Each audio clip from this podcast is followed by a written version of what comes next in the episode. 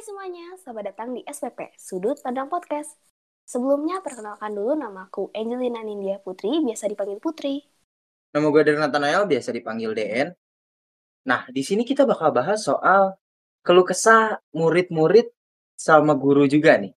Oke Put, pertama nih, buat lu nih Put, apa sih sebenarnya keluh kesah di online school ini? Kalau menurut gue pribadi ya, online school ini tuh ada negatif dan positifnya positifnya tuh kita jadi bisa di mana aja sekolahnya nggak harus ke sekolah repot-repot sekolah tuh nggak usah tapi negatifnya tuh susah nggak sih buat memahamin materi-materi itu kalau online kayak gini kalau lu sendiri gimana En? Setuju banget sih gue sama lu. Apalagi kekurangannya ya. Kalau misalnya kekurangan soal online school gini, gue kan gue kan tipe orang yang harus ngelihat langsung ya, harus ngelihat gurunya ngejelasin langsung gitu. Nggak bisa dari kayak dari layar gitu nggak bisa gue. Agak susah untuk memahaminya. Tapi kelebihannya satu sih, gampang banget gitu loh. Kayak lu bisa di mana aja gitu loh. Kayak waktu itu gue sempat ada acara juga kan, gue bisa sambil online school gitu lagi ada acara. Ada satu kekurangan nih yang menurut gue paling beda lah dari yang lain. Apa tuh? Soal jam istirahat tuh. Kan kalau jam istirahat online school gini kan sebenarnya lebih cepet gue ngerasanya ya. Gue ngerasanya kayak lebih cepet. Apalagi gue kayak malas makan gitu loh kalau pagi. Jadi makanya gue kalau istirahat tuh makan langsung siang. Udah gitu kalau di sekolah kan enak gitu kan. Jam istirahat pagi kita bisa ngobrol-ngobrol sama temen bisa curhat-curhat tadi soal pelajarannya kayak gimana. Kalau ini kan kayak ngerasa sendiri banget gitu loh. Bener, Lagi pas makan gue ada nih sebut satu curhat nih. Gue gue sekalian curhat aja di sini. Ayo, boleh boleh. Sok sok. Gimana gimana? Jadi gue waktu itu kapan? Gue lupa. Minggu lalu atau kapan? Gue lagi gabut tuh. Jam 12 kan udah gak ada pelajaran dong. Cuman tugas kan. Jam 12 aduh gue gue ngerasa lapar nih. Gue ngecek lah ke bawah. Eh ternyata gak ada makanan kan Udah gitu gue iseng lah, gue buka-buka IG tuh. Gue nemu ada satu anak Angela lagi ngepromosiin tempat makan gitu loh, tumpeng mini, tumpeng mini gitu loh. Apalagi waktu itu gue bener-bener lagi pengen, aduh kayaknya nasi kuning enak nih. Cuman nasi kuning, kebetulan nasi kuning di sebelah rumah gue tutup. Makanya gue kayak ngeliat, wah apalagi tumpeng nih. Gue kiranya kan, wah tumpeng mahal nih. Apalagi kan tumpeng gede-gede gitu kan. Eh pas gue cek ternyata tumpengnya tuh kecil gitu loh kayak mini tumpeng gitu buat buat kita aja se sendiri gitu. Apalagi pas gua cek gitu ya harganya kok cuma dua puluh dua ribu dua puluh tujuh ribu kayak ya bener-bener masuk di kantong gua lah. Udah gitu kayak gampang banget gitu loh mesennya. Jadi makanya gua, gua cobain dan ternyata bener-bener enak banget tuh wah lu harus nyobain sih put. Nih gua kasih nih IG-nya ya. Nih gua kasih at dapur bude underscore bdg itu parah sih Put lu harus nyobain sih itu enak banget Oke sih, ntar gue pasti ini sih, pasti nyari sih. Kayaknya enak banget sih kedengarannya ya. Iya bener-bener enak banget. Hmm, tapi ya An ya, kayaknya kalau kita berdua kayak gini kayak kurang rame gak sih? Iya juga sih Put. Nah makanya kita undang aja nih ada satu murid dan satu guru, biar kayak lebih rame gitu di sini. Boleh, boleh, boleh Put. Iya ini ada Michela dan ada Pak Yanuar. Hai. Kenalin, nama aku Michela, tapi di sekolah sering dipanggilnya Mimi. Oke, perkenalkan Bapak Pak Yanwar ya. Bapak mengajar kimia ya. Asik, kimia. Itu saja mungkin ya perkenalannya. Uh, sebelum ke Pak Yanu nih, gue mau nanya dulu deh ke Mimi deh. Kayak Mi, kangen gak sih sama sekolah offline gitu loh? Kangen banget lah pasti. Apalagi kalau misalnya offline itu uh, rame kan guru-guru di sekolah tuh rame-rame sekolah uh, kalau misalnya teman-temannya juga rame-rame jadi kangen banget waktu offline gitu belajar juga menurut gue nggak kerasa sih karena saking ramenya kali ya kayak gitu loh. Kalau Pak Yanu sendiri gimana Pak Yanu? Kangen gak sama sekolah Pak? Maksudnya sama kita murid-murid gitu kan? Ya, pastinya kangen lah udah lama ya. Setahun lebih hampir setahun uh, udah lebih setahun lebih. Nggak ketemu ya. Jadi cuma online saja ya pasti sangat sangat kangen sekali dengan suasana pada saat offline ya terlebih lagi mungkin dalam proses pembelajaran di kelas interaksi dengan siswanya bercanda bercandanya banyaklah hal-hal yang bisa jadi bahan obrolan gitu sesama guru sini gini sini gitu. Jadi apa ya mungkin banyak pelajaran juga yang bisa didapatkan dari siswa-siswa gitu siswa-siswi semuanya udah Seperti itu yang Bapak rasain. Apalagi kayaknya nama saya banyak diomongin guru ya, Pak ya? Ya, asal yang baiknya nggak apa-apa sih. Kalau baiknya nggak apa-apa ya. Iya, yang baik Pak, benar. Yang baik ya. Oke, dilanjut. Mau nanya ke Pak Yanu dulu deh. Keluh kesah sama hal positif negatif yang Bapak dapetin online school gini tuh apa sih, Pak? Oke, eh, pertama ya, yang Bapak rasain dari segi guru ya, dari guru yang pertama ya, jaringan ya, jaringan yang mungkin siswa juga merasakan ya, jaringan jaringannya harus bagus, termasuk kuotanya juga ya. Kendala itu ketika jaringannya bermasalah, otomatis akan mempengaruhi pembelajaran. Satu itu. yang kedua adalah eh, rata-rata kan tidak menyalakan kamera ya. Hampir setiap pembelajaran tidak menyalakan kamera, jadi kita tidak tahu aktivitas siswa tuh di rumah seperti apa, apakah mengikuti atau enggak ya. Jadi kadang-kadang kurang responsif lah ya, kurang respon ketika nanya apa, yang jawab satu dua orang gitu. Itu terus eh, apa ya, harus banyak memaklumi juga mungkin ya dengan kondisi seperti ini di guru juga tidak berharap banyak berekspektasi banyak eh, untuk pembelajaran supaya lebih apa ya anak-anak lebih ngerti atau gimana. Seperti itu. Itu keluh kesahnya sih seperti suka dukanya. Tapi balik lagi ke masing-masing anaknya sih. Jadi kalau yang bapak tangkap kalau anaknya emang rajin ya emang rajin emang serius ya mereka bisa bisa menyesuaikan dengan kondisi ini. Jadi ngerjain tugas atau belajar juga mandiri di rumah. Tapi yang eh, malas-malasan juga mungkin kurang nanti dapatnya ya. Kurang kurang fokus gitu. Mungkin yang bahkan bisa jadi tidak dapat apa-apa yang dipelajari di sekolah. Seperti itu. Itu yang keluh kesahnya. Terus eh, apa tadi? Hal positif sama hal negatif, Pak. positif negatifnya. Oke yang madu positif dulu atau negatif dulu? Bebas, Pak. bebas oke. Yang positif dulu lah ya. Positif dulu biar ini bagusnya dulu. Yang pertama yang bapak rasain sih pasti kalian pasti punya punya banyak waktu di rumah sama keluarga ya. Lagi pula pelajaran kan sampai jam 10.45 jadi masih sisa waktunya masih bisa untuk keluarga dan juga tidak bermacet-macet ria ya. Biasanya kan pulang sekolah macet-macetan sekarang enggak udah di rumah gitu kan. Itu yang pertama yang bapak tangkap seperti itu yang positif yang pertama. Yang kedua eh, kalian belajar lebih fleksibel ya. Lebih fleksibel kapan mau mau ngerjain tugas. Mungkin emang ada deadline-nya tapi lebih fleksibel.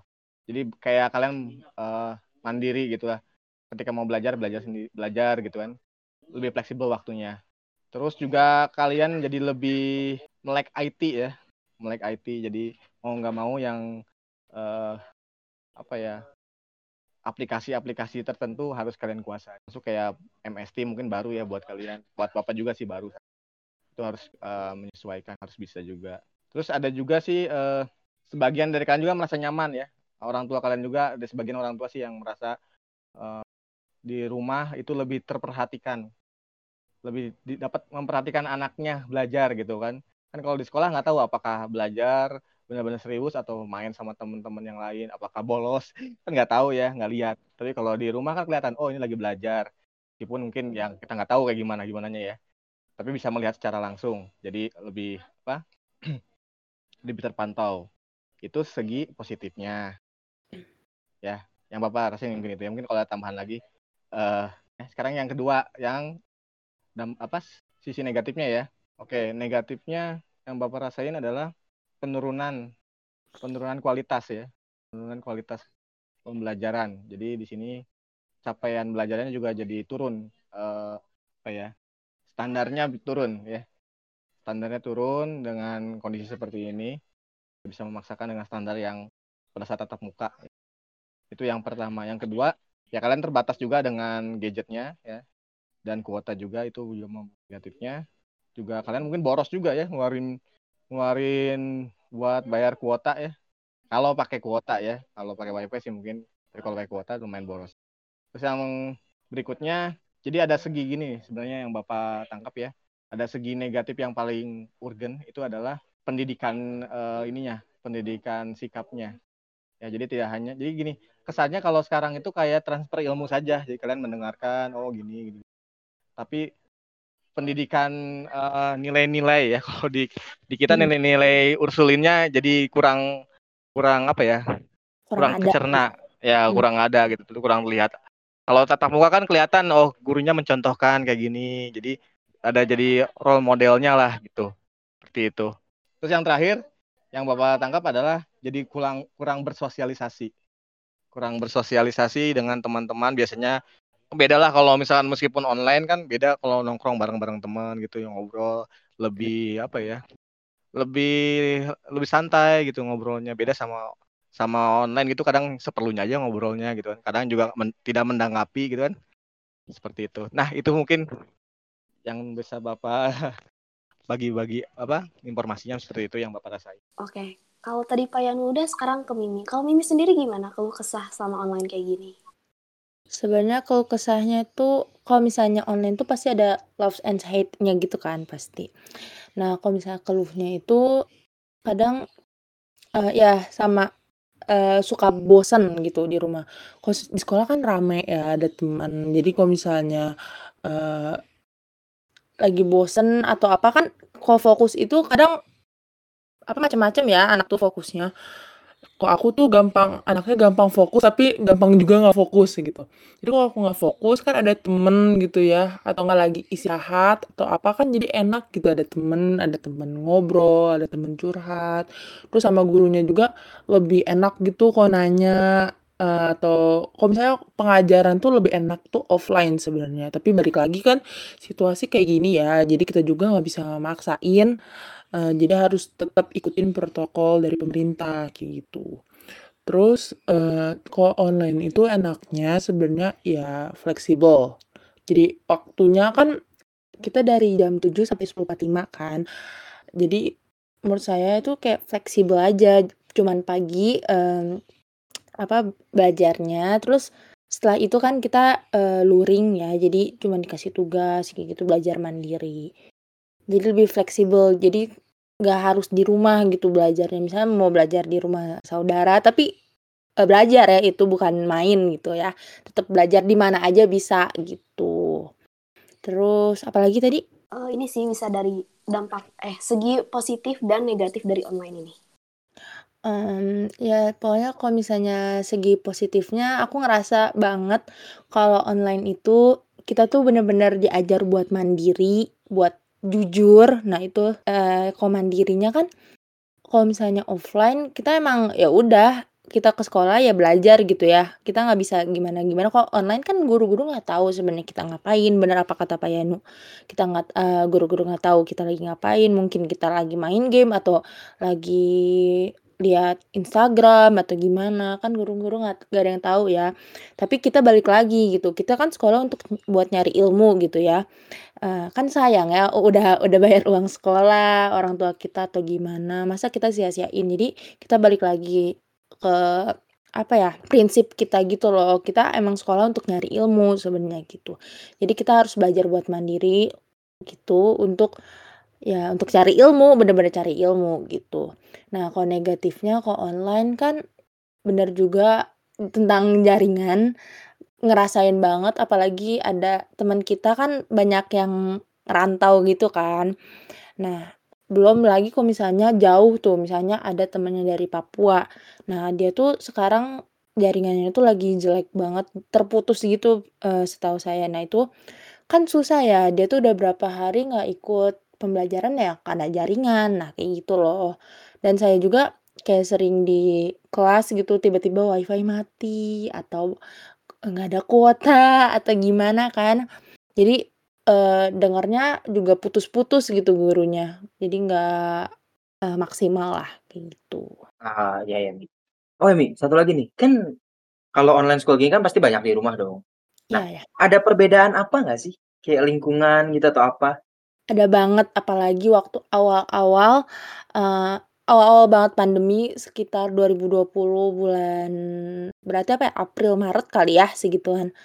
Nah waktu itu aku kan uh, sering berjemur pagi ya buat ningkatin imun tubuh. Nah aku pernah ngeliat awan gitu langit itu benar-benar bersih dan emang ya kenapa bersih? Karena kendaraan itu kan berarti minim kan? Nggak ada orang yang keluar karena orang-orang semuanya pada di rumah stay at home gitu. Terus ngelihat kayak bener-bener bersih. Ya walaupun masih banyak sih kok sampah kayak kertas kayak plastik itu mah masih banyak. Tapi eh, kayak langitnya tuh udah mulai gembira lah ya kalau bisa bisa dibilang gitu. Mengekspresifnya itu kayak gembira gitu loh. Gitu Ya, dan ngomong-ngomong soal kayak sampah kertas gitu-gitu tuh, ada satu Instagram ya, namanya tuh id.zekom.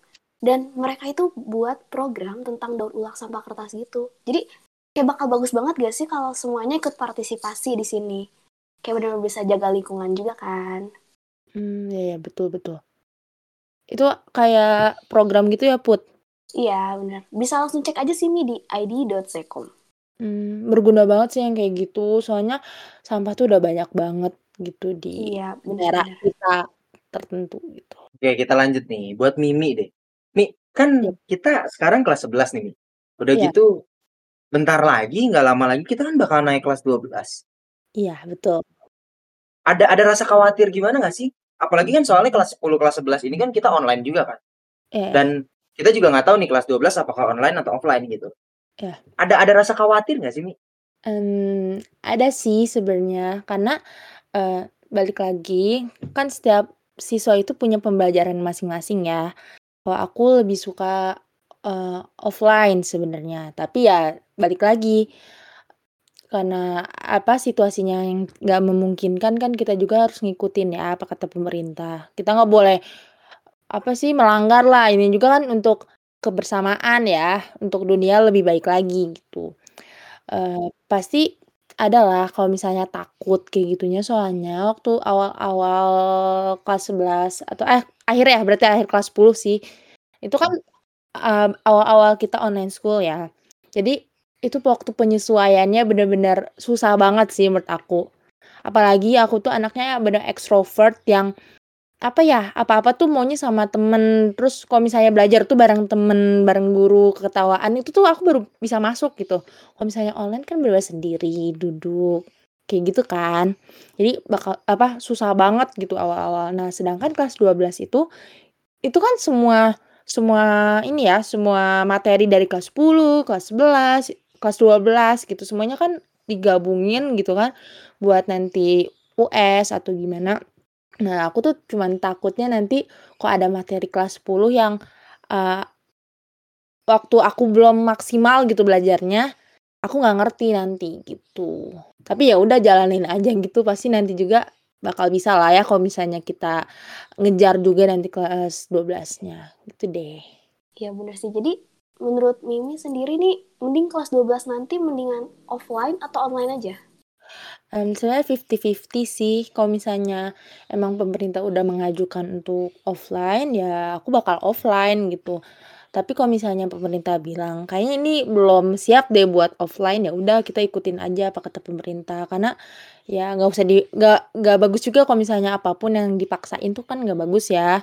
Takutnya kita kayak istilahnya maksa gitu ya buat offline, tapi jadi berbahaya buat guru, buat siswa, atau buat yang lainnya gitu, ya mendingan online aja gitu. Boleh boleh, bener sih, Mi, bener, setuju setuju.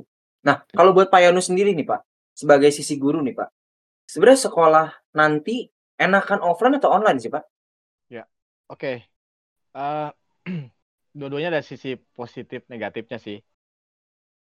Kalau Bapak suk lebih prefer, jadi pinginnya offline. Karena kondisi seperti ini, ya lebih bagusnya online ya. Karena keselamatan kalian, keselamatan guru, keselamatan keluarga itu yang paling utama gitu. Jadi offline boleh, online juga tidak jadi masalah ya. Yang Bapak Iya rasain benar-benar. Uh, Pak Yonus sendiri ini nggak sih ada rasa khawatir gitu sama anak-anak buat ke depannya gimana gitu? Ya, tentu aja ya. Pasti itu ada khawatir ya. Apalagi yang uh, generasi yang dari awal udah online ya. Seperti ini kalian dari akhir semester 2 ya. Semester 2 tahun lalu. Uh, yang pertama khawatirannya adalah pendidikan karakternya. Jadi kalau misalkan kalian cuma dapat materi kan gampang ya tinggal browsing tinggal cari di YouTube apa banyak lah open source sekarang mah gampang ya gitu informasi-informasi bisa belajar mandiri tapi yang paling penting itu adalah pendidikan karakternya ya enggak pendidikan karakter. Jadi kayak terbiasa dengan kejujuran uh, nilai apa daya juang kayak gitu-gitunya tidak bisa tertanamkan dengan online. Ya kurang lah kurang tertanamkan. Seperti itu. Terus juga uh, kayak misalkan ada evaluasi misalnya pada saat kalian ujian juga kan kita tidak bisa melihat apakah kalian bekerja secara jujur? Apa browsing browsing nanya teman mungkin aja yang mengerjakan adalah orang lain gitu kan? Jadi kalian tinggal copy paste aja nah kayak gitu gitu kemudian juga ini pembelajaran kayak yang uh, olahraga praktikum kan nggak ada ya secara online. Jadi ada pendidikan karakter yang tidak tertanam seperti ketelitian tekunan kehati-hatian skillnya ya. Skill apa? Prakteknya juga kan pasti tidak terasah tidak terlatih seperti itu. Jadi uh, khawatirnya adalah pintar ya tapi tidak memiliki apa ya karakter yang baik lah karakter yang baik sebagai seorang cerminkan seorang pelajar gitu kan. Nah itu segi karakternya yang hilang. Yang bapak khawatirkan itu ke depannya seperti itu. Benar pak benar. Oke jadi kayaknya segitu dulu aja podcast dari kita kali ini. Tungguin podcast di bulan depan karena kita bakal ada acara lagi. Dan makasih buat Mimi makasih buat Pak Yanu juga. Iya sama-sama. Sama-sama. Oke, jadi segitu aja. Sampai ketemu di podcast bulan depan yang pastinya temanya berbeda. Terima kasih dan sampai jumpa.